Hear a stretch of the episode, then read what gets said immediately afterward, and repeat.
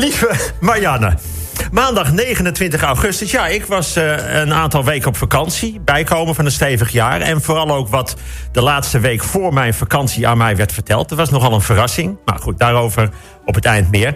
Eh, ik was op vakantie door Engeland, Schotland en Ierland. Landen waarvan veel mensen zeggen wat betreft vakantie... ja, het zal prachtig zijn, maar wel vaak regen en heel koud hè, in de vakantie. Nou, daar komen veel mensen op terug. Na wekenlang, waar dan ook, boven de 40 graden... zeggen steeds meer mensen... nou, volgend jaar ga ik lekker naar Schotland of Ierland. Even niet de hele dag zoeken naar water en schaduw... en als verkoeling zo lang mogelijk rondhangen... in onbelangrijke supermarkten met airco. Nee, Schotland en Ierland, lekker fris. Nou mensen, dat viel behoorlijk tegen, want het was daar ook prima weer. Zou je net zien, ga je erheen voor de regen en de mist is het heel erg mooi weer. Het zit mij ook altijd tegen. Maar het was een mooie reis. Kun, kun je er lekker eten, Schotland en Ierland? Nou, als je van goede vette vis en chips houdt wel. Dat heb ik erg veel gegeten. Hoeveel dan, Peter? Nou, laat ik het zo zeggen. Ik besta voor zo'n groot deel uit vis en chips... dat als ik nu in de zon ga liggen... dan vormt zich een mooi bruin paneerlaagje van bierbeslag. Nou, het was wel een tamelijk veranderende mededeling. Kom ik zo op. Ik heb het nieuws op vakantie maar zijdelings gevolgd... want ik moest daar veel eten en drinken en meezingen... en mijn bekende Schotse doedelzak-act laten horen. Jullie vragen natuurlijk, wat is jouw beroemde Schotse doedelzak? Daar komt-ie.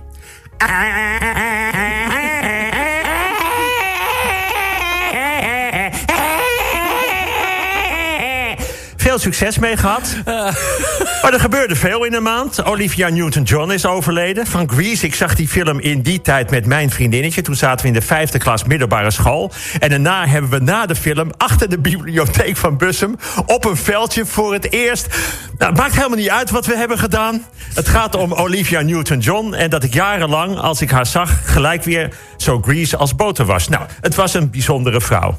Overal hittegolven, enorme droogtes. Maar ik zat in Schotland en Ierland een beetje bij te komen van die mededeling. Waar ik het dus zo over ga hebben. Er was ook een aanslag op Salman Rushdie. Nog steeds om de fatwa die hij 32 jaar geleden kreeg. Door een fragment uit zijn boek De Duivelsversen. Het was een aanslag door een 24-jarige man. Het verbaast me dat het een man was. Mijn ervaring leert dat vooral vrouwen nog terugkomen op iets wat 32 jaar geleden is gebeurd. Sabrina Wiegman won met de vrouwen van Engeland de Europese voetbaltitels. Zij is de eerste vrouwencoach die met twee verschillende landen een prijs pakt op een EK of WK. Dat is twee meer dan elke Nederlandse mannenvoetbalcoach. Team NL heeft het geweldig gedaan op allerlei Europese kampioenschappen. Zwemse Marit Steenbergen won vier keer goud. Femke Bol was de absolute koningin van de atletiek. Was ook pijnlijk sportnieuws. De Nederlandse Triathlonbond heeft moeten toegeven... dat er ook bij hun leden en staf jarenlang sprake was... van grensoverschrijdend gedrag. Het ging bij de Triathlonbond om drie onderdelen achter elkaar... namelijk uitsluiting, roddelen en persgedrag. En 400.000 oudere rokers in Nederland hebben een uitnodiging gehad om mee te doen naar een onderzoek naar longkanker. Ik kreeg ook een uitnodiging. Hoezo?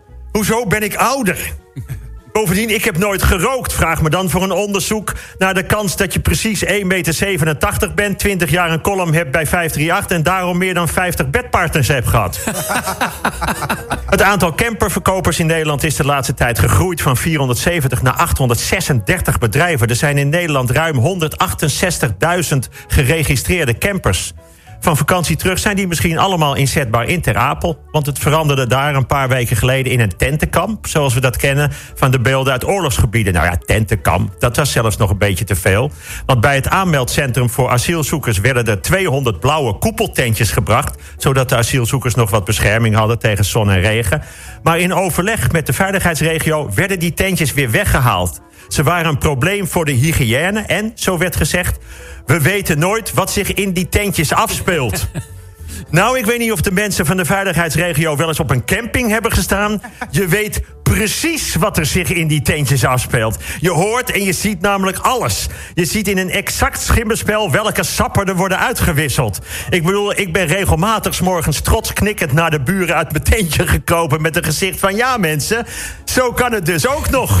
Dat is nog wat anders dan drie laffe verplichte minuutjes in je grote lekker met pensioencamper. Nou, het tentenkamp kwam weer terug, maar het werd erger en erger. Zo erg dat Artsen zonder Grenzen er naartoe kwam om te redden wat er te redden valt. Artsen zonder Grenzen in Nederland. Normaal gesproken is die alleen in aardbevingsgebied. Oké, Groningen. Nou, het was in ieder geval wel om je kapot te schamen. Sommige mensen vermoeden dat het zelfs de bedoeling is. Boodschap aan mogelijke asielzoekers van de toekomst... dat het geen enkele zin heeft om naar Nederland te komen... met de mededeling, blijf voortaan lekker weg. Waar heb ik die zin meer gehoord? Oh ja, nou, daarover straks meer. Dinsdag 30 augustus, afgelopen weekend heb ik meegedaan aan de Amsterdam City Swim. Een zwemtocht van twee kilometer door de Amsterdamse grachten. was een bijzondere tocht. Best wel een gevaarlijke tocht. Vooral omdat ik weet hoeveel van mijn vrienden na een avondstappen in de gracht staan te pissen. En kijken of ze een rat op zijn kop kunnen raken. maar het was een mooie zwemtocht om geld in te zamelen, uh, zamelen voor onderzoek naar ALS. Je weet wel, de dodelijke zenuwverlammende spierziekte. Ik sprak daar met patiënten die weten dat ze doodgaan. Met hun naasten die weten dat hun liefde hen verlaat.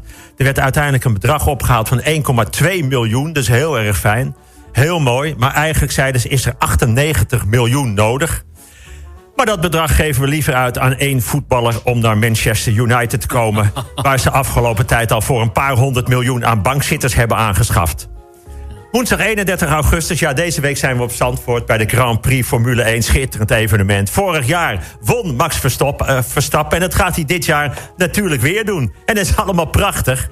En ook als hij niet wint, het is geen drama. Het gaat hier om het samen zijn bij zo'n feest. Samen bij een feest, dat wil je. Een feest. Een feest, hè? Dat is om samen. Dat is, ja, feest is prachtig. Maar soms is een feest is een drama. Een vrachtwagen raakte zaterdag van de Zuidzijdse dijk bij Nieuw-Beierland... en belandde op een buurtbarbecue. Daarbij vielen in totaal zes doden en zeven gewonden. Het is toch onvoorstelbaar? Zit je samen op een feest te eten met vrienden, met kinderen lachend pratend over de bevalling van de hoogzwangere vriendin die er ook bij zit. En dan komt de dood en het verderf zomaar uit de lucht. Niks is zeker. Het noodlot loert op onvermoede plekken. En wij, wij houden elkaar voor een moment nog beter vast. En we vergeten weer dat het mis kan gaan omdat we het weten. We weten dat we een ander nodig hebben. Je hebt altijd weer iemand nodig die je weer opraapt en laat merken: ik denk met je mee, ik voel met je mee, ik ben er. Wij zijn er met woorden en gedachten. Donderdag 1 september Nick en Simon zijn uit elkaar. Ze gaan nu door als Nick of Simon. Frank Daan is gelukkig weer terug op de radio. Oh, en ze zoeken een nieuwe presentator voor zomergasten. Kijk, en dan kom ik eindelijk bij de belangrijke mededeling die ik wil doen. Vrijdag 2 september. ik dacht voor de vakantie. Ja, er verandert best wel veel. Ook op de radio. Ik doe dit nu 20 jaar. Ik doe het heel graag. Ik doe het echt, echt heel erg graag. Maar, zei ik tegen de leiding, laten we eens met elkaar gaan praten of we allemaal nog tevreden zijn. Want de programmering verandert, het ochtendteam is al een paar keer veranderd. Zullen we eens kijken hoe we het beste op elkaar kunnen afstemmen. En als we dan misschien iets willen veranderen, dan kan het bijvoorbeeld in de week van 7 september, dat is mijn verjaardag. En dan doe ik het precies 20 jaar. Nou, mooi, goede afspraak. Gaan we twee weken over nadenken.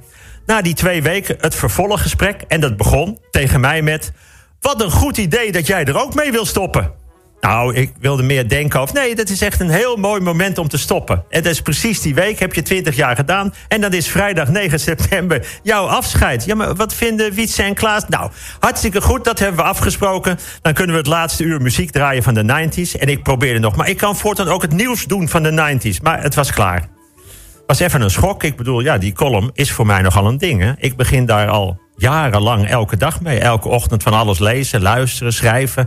En dan ga ik vrijdag opgewonden naar de studio met kleine vrolijke berichten. Altijd verschrikkelijk gelachen. Allemaal leuke mensen zijn daar ook. Soms ook stil met elkaar door een verpletterend drama. Wij denken mee, wij voelen mee. Nou, volgende week dus, daar komt de mededeling, is de laatste lieve Marianne. Ja, dat is op het grote nieuws een kleinigheid, dat weet ik ook wel. En alles houdt een keer op. En misschien is dit ook wel het goede moment, is het wel goed gezien. Want er komt altijd weer iets nieuws.